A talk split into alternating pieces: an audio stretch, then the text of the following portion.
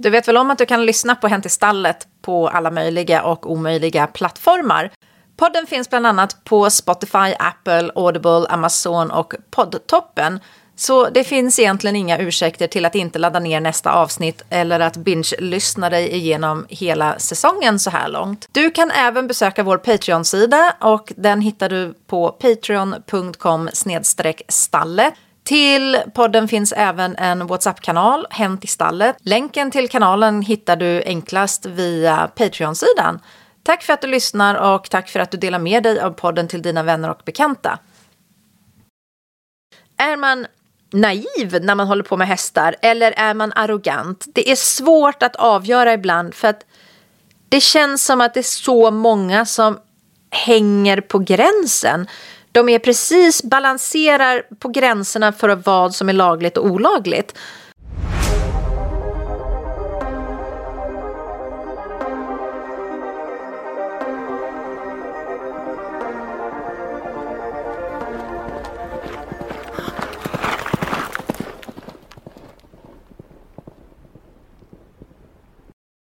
Hej mina vänner och välkomna till ännu ett avsnitt av Hänt i stallet.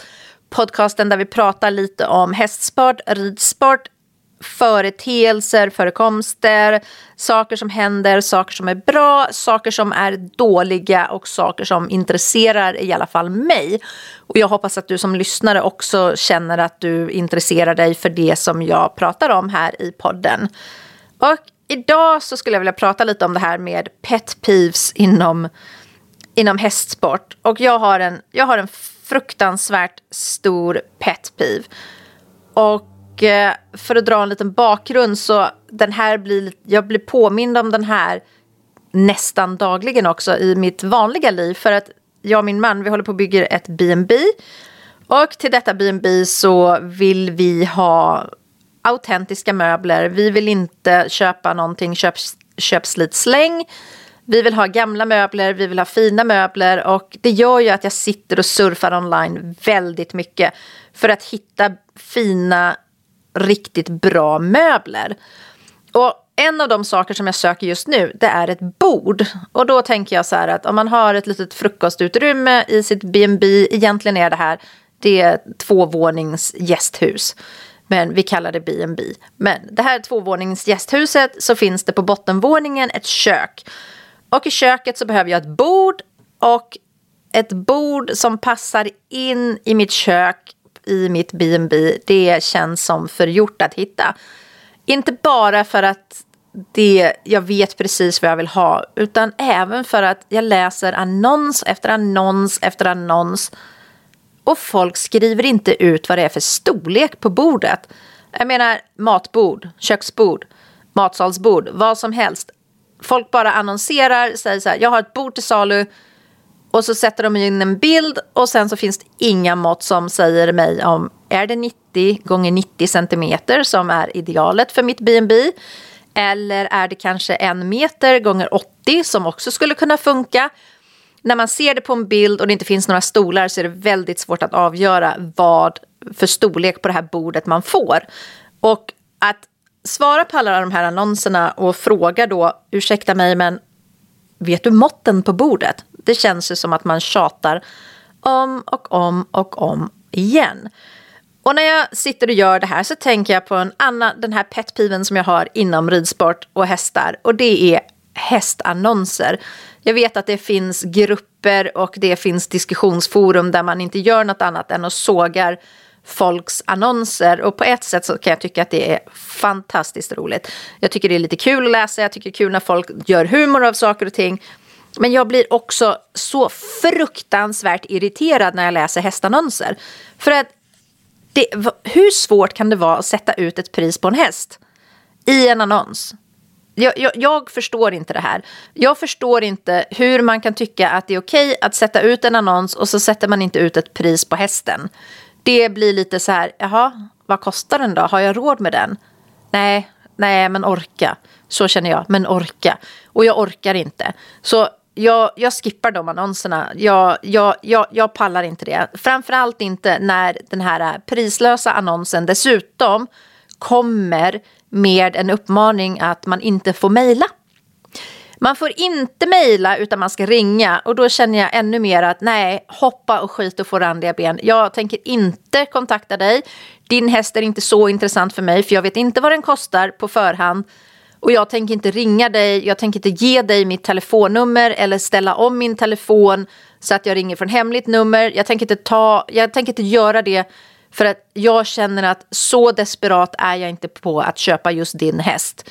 Så det där, inget pris i annonsen, vad är det? Det är, det är sånt bullshit. Och det påminner mig lite om de här gubbarna som startade försäljningsdagar i Falsterbo. Och det är här vi snackar år, årtionden tillbaka. Det här är lång tid tillbaka. Jag tror att det kan ha varit Roine Zetterman och Johan Iversson. Jag är inte helt säker på det. Men jag vet säkert att oavsett vilka gubbar det här var som gjorde de här, skulle sälja hästar på, i Falsterbo. De var lätt irriterade att folk kom med hästar och de hade inte prissatt dem. Det var som att de tänkte så här att om jag, ja, men om jag går till de här gubbarna som kan så mycket om det här så kommer de sätta priset på min häst. Så att folk försökte använda dem. Det, de kanske inte var genuint intresserade av att sälja hästarna överhuvudtaget på den här äh, försäljningsdagen i Falsterbo utan de var mer intresserade att få ett pris på sin häst och vad den var värd. Och där kan jag känna att nej, gör inte så. Det, det, det blir liksom jobbigt. Och det är ju samma jobbighet när det kommer till annonser utan pris. Men det finns ju en variant på det här och det är högre prisklass. Ja, men vad är det då? Det som är en högre prisklass för en person är det är ju bara växelpengar för en annan. Så det funkar ju inte heller. Jag, jag personligen, jag köper inte särskilt mycket hästar. Jag har, inte kört, jag har inte köpt särskilt många hästar i mitt liv överhuvudtaget. Jag har haft väldigt mycket hästar men jag kan inte komma ihåg att jag suttit och behövt leta på annonser hur mycket som helst för att köpa hästar. Men när jag köper en häst, då vill jag ha priset. Jag vill veta vad den kostar innan jag överhuvudtaget bekymrar mig om att börja in, undersöka mer om det här är hästen för mig. Eller är det här hästen för min ryttare som skulle kunna passa henne att rida och tävla. Jag vill ha priset, jag vill veta priset. Och jag vill, om jag mejlar någon, om, jag, om någon sätter ut en annons på internet och jag mejlar dem, då förväntar jag mig att jag ska få ett svar. För att annars, om du inte vill ha någon form av digitalt svar, så sätt inte ut annons på nätet. Det är liksom hela idén med att man är ute på nätet, det är ju att man kan ha kontakt med folk utan att behöva ringa på telefon. Man kanske kan använda WhatsApp man kan använda signal, man kan använda telegram, man kan skicka sms om man vill använda telefonen ändå. Men det här med att nej, jag svarar inte på e-postmeddelanden. Vad är, det är sånt jävla bullshit. Så det här är en av mina största pet peeves som jag kan inte komma på nästan någonting som gör mig mer irriterad inom hästeriet än just de här annonserna där det handlar om hästar som ska säljas men man får inget pris up front. Man kan inte få reda på vad den kostar. Man ska inte, man, man liksom blir man får förklarat för sig hur man ska kontakta den här säljaren som om att man är tre år gammal och inte är värd vatten. Så nej, det går bort för mig. Jag, jag gillar inte det. Men det finns säkert någon som vet varför det fungerar så här, varför folk inte sätter ut priser och varför folk använder den här högre prisklass eller varför man bara får ringa och inte mejla. Så om du vet det, om du har svaret på de frågorna och gåtorna så får du jättegärna höra av dig på stallpodden gmail.com och berätta och förklara varför det är så så kan vi ta upp det i nästa avsnitt eller ett annat avsnitt längre fram här i podden.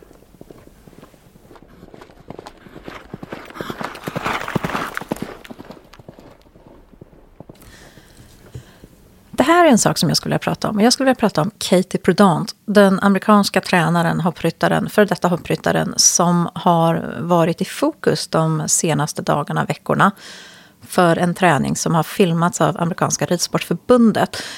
Uh, Katie Prudant 2017 redan så var hon på tapeten för ett väldigt burdust framfört budskap om amerikansk hoppsport det här skedde i en podcast på Horse Radio Network med journalisten Chris Stafford. Jag kommer länka upp det här eh, poddavsnittet i mina show notes för det här avsnittet så kan ni lyssna själva på det. Men 2017 där så det här avsnittet det kom i tid för CHIO Aachen, den stora tävlingen i Tyskland som går varje år med hoppning, dressyr, fälttävlan, voltige, fyrspann och så vidare.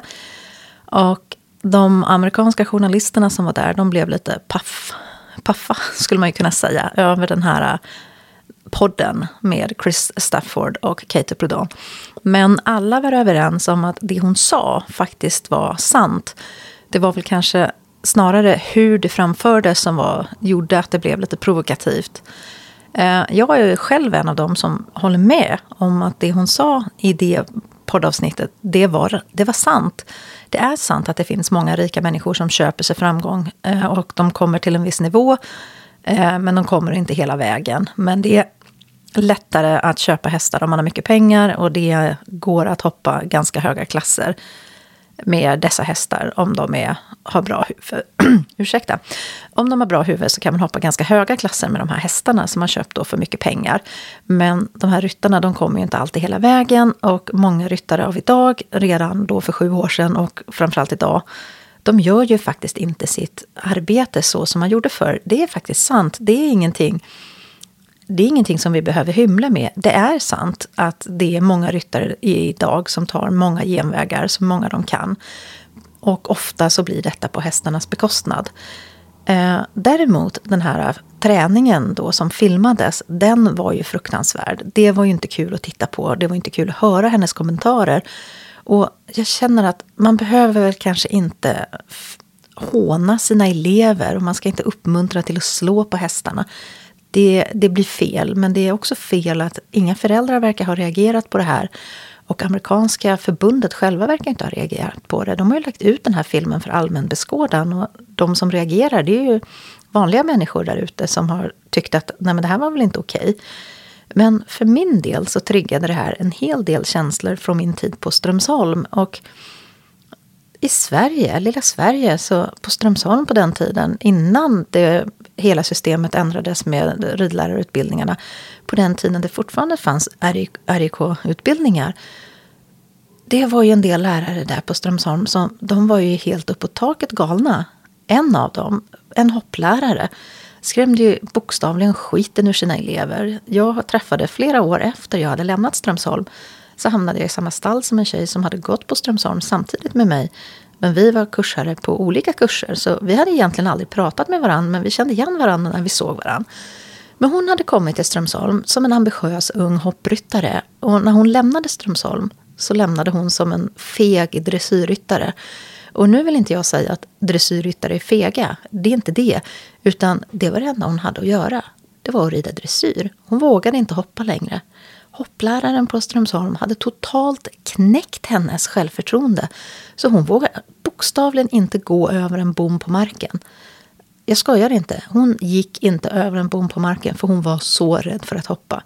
Och det här var alltså en tjej som när hon åkte till Strömsholm, hon var ambitiös, hon ville bli ridlärare, hon var ung, hon ville bli hoppryttare. Det var liksom hennes dröm, hennes drömliv. Det var ju hästar, och ridsport och hoppsport eh, av den drömmen, den följer liksom bara platt till marken. Eh, I min egen kurs så hade vi lärare som favoriserade folk. Eh, jag var inte en av favoriterna, men jag var inte en av dem som låg i botten heller. Utan jag hade väl kanske turen att jag var någonstans i mellanskiktet. Att jag var varken favorit och jag var varken hatad av lärarna eller icke-favorit, eller hur vi nu ska uttrycka oss. Men favoriterna, de hade ju, de hade ju ett ganska smutt liv. Det gick ju ingen nöd på dem. De var inte många, men de var väl, väl urvalda på egna meriter, not so much. Utan det var ju frågan om vilka de kände mer än någonting annat. Och hur mycket de kunde fjäska. För att i ett fall så var det kanske mycket fjäsk också. Men de som inte var lärarnas favoriter. Alltså, vilket liv de hade på Strömsholm det var ju folk som låste in sig på sina rum och knappt ville komma ut. De var så verbalt misshandlade av våra lärare. Så att det, alltså, det går inte att beskriva. Har man inte sett det på riktigt så har man lite svårt att tro att det var så. Men vi pratar om folk som blev totalt deprimerade eller och fick ätstörningar. Och vi var bara tjejer i vår kurs. Och det här är ju, det var, det var mobbing på hög nivå från lärarhåll. Sedan blir det ju så att när man sätter en grupp människor ihop, i, att de ska bo ihop i internat som det var på den tiden på Strömsholm, så blir det lite så här också, det blir lite flugornas herrar över det hela, där de primitiva överlevnadsinstinkterna tar över hos människan. Så det är ju inte bara lärarna då som mobbar, utan då blir det ju elevmobbing sinsemellan också. Eh, och det här kan jag känna att det var inte kul. Och det är väl det här som också fick mig att känna att jag inte vill gå tillbaka dit. Jag fick en inbjudan till någon återträff och jag bara ignorera. Jag, jag känner att det är en person från min kurs som jag skulle vilja träffa. En person som jag kände att jag hade riktigt, riktigt, riktigt kul med. Och i övriga fall så känner jag att inget behov att behöva träffa dem igen. Och inte heller de lärare som eventuellt fortfarande är i livet. Eh, men det här med Katie Prudant då, då tänker jag också så att hon är ju i USA. I USA så finns US Safe Sport. Och där har ju manliga tränare, de har ju åkt dit så det smäller om det. Att US Safe Sport, man skickar en anmälan. US Safe Sport tar action och dömer utan rättegång. Och så fråntar de tränarna deras licenser. Jag vet inte hur det här kommer vara nu när det är en kvinna som har betett sig så här illa. För att är det skillnad på verbal misshandel från en kvinnlig tränare kontra sexuellt, sexuella trakasserier från en manlig? Jag vet inte riktigt. Jag, jag känner att spåren och ärren som det kan sätta i personen som har blivit utsatt för det här, de är nog ganska snarlika.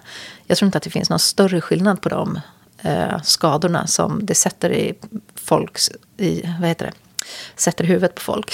Så jag hoppas att Kate Prodan som uppenbarligen har passerat bäst före datum att hon fråntas sin tränarlicens och att folk slutar träna för henne. För att det där var plågsamt att titta på och det känns inte som att det hör hemma i sporten år 2024.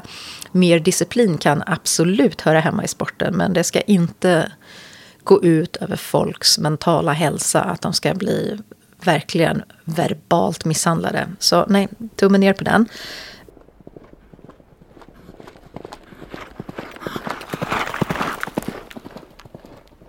Det var väl allt från den här podden av idag. Och om du vill komma i kontakt med mig, om du har en kommentar, om det är något du vill ta upp, om det är någonting som du tycker att nej men det här var ju dumt av henne att säga så här, så får du gärna mejla till mig, stallpodden at gmail.com. Stallpodden, 2L, 2D som är David, at gmail.com. Och det finns även en Patreon-sida för den här podden och patreon.com stallet. Och på den sidan, om man blir medlem, vilket man kan bli helt gratis, så blir det så att man automatiskt får information när det kommer nya avsnitt. Eh, det kommer även lite andra kommentarer och det kan hända att det kommer någonting från Den Boss och från eh, KVPNs eh, hingstprover på den sidan. Och det är ett enkelt sätt också att kommunicera. Man kan kommentera artiklarna. Så det tycker jag också är ett bra sätt. Och med Patreon så kan man också ladda ner en app. Och i den appen så är hela förfarandet att följa en Patreon-sida är jättesimpelt. Så det är också ett litet tips. Eh, och podden den finns såklart här på Acast och den finns även på Spotify. Så en fördel för dig som lyssnare är att du kan bara lyssna och lägga till och eh, prenumerera på den så får du också avsnitten rakt in i din eh, poddlyssnare. Så till nästa gång, tack för att du lyssnade och eh, på återhörande. Ha en bra dag!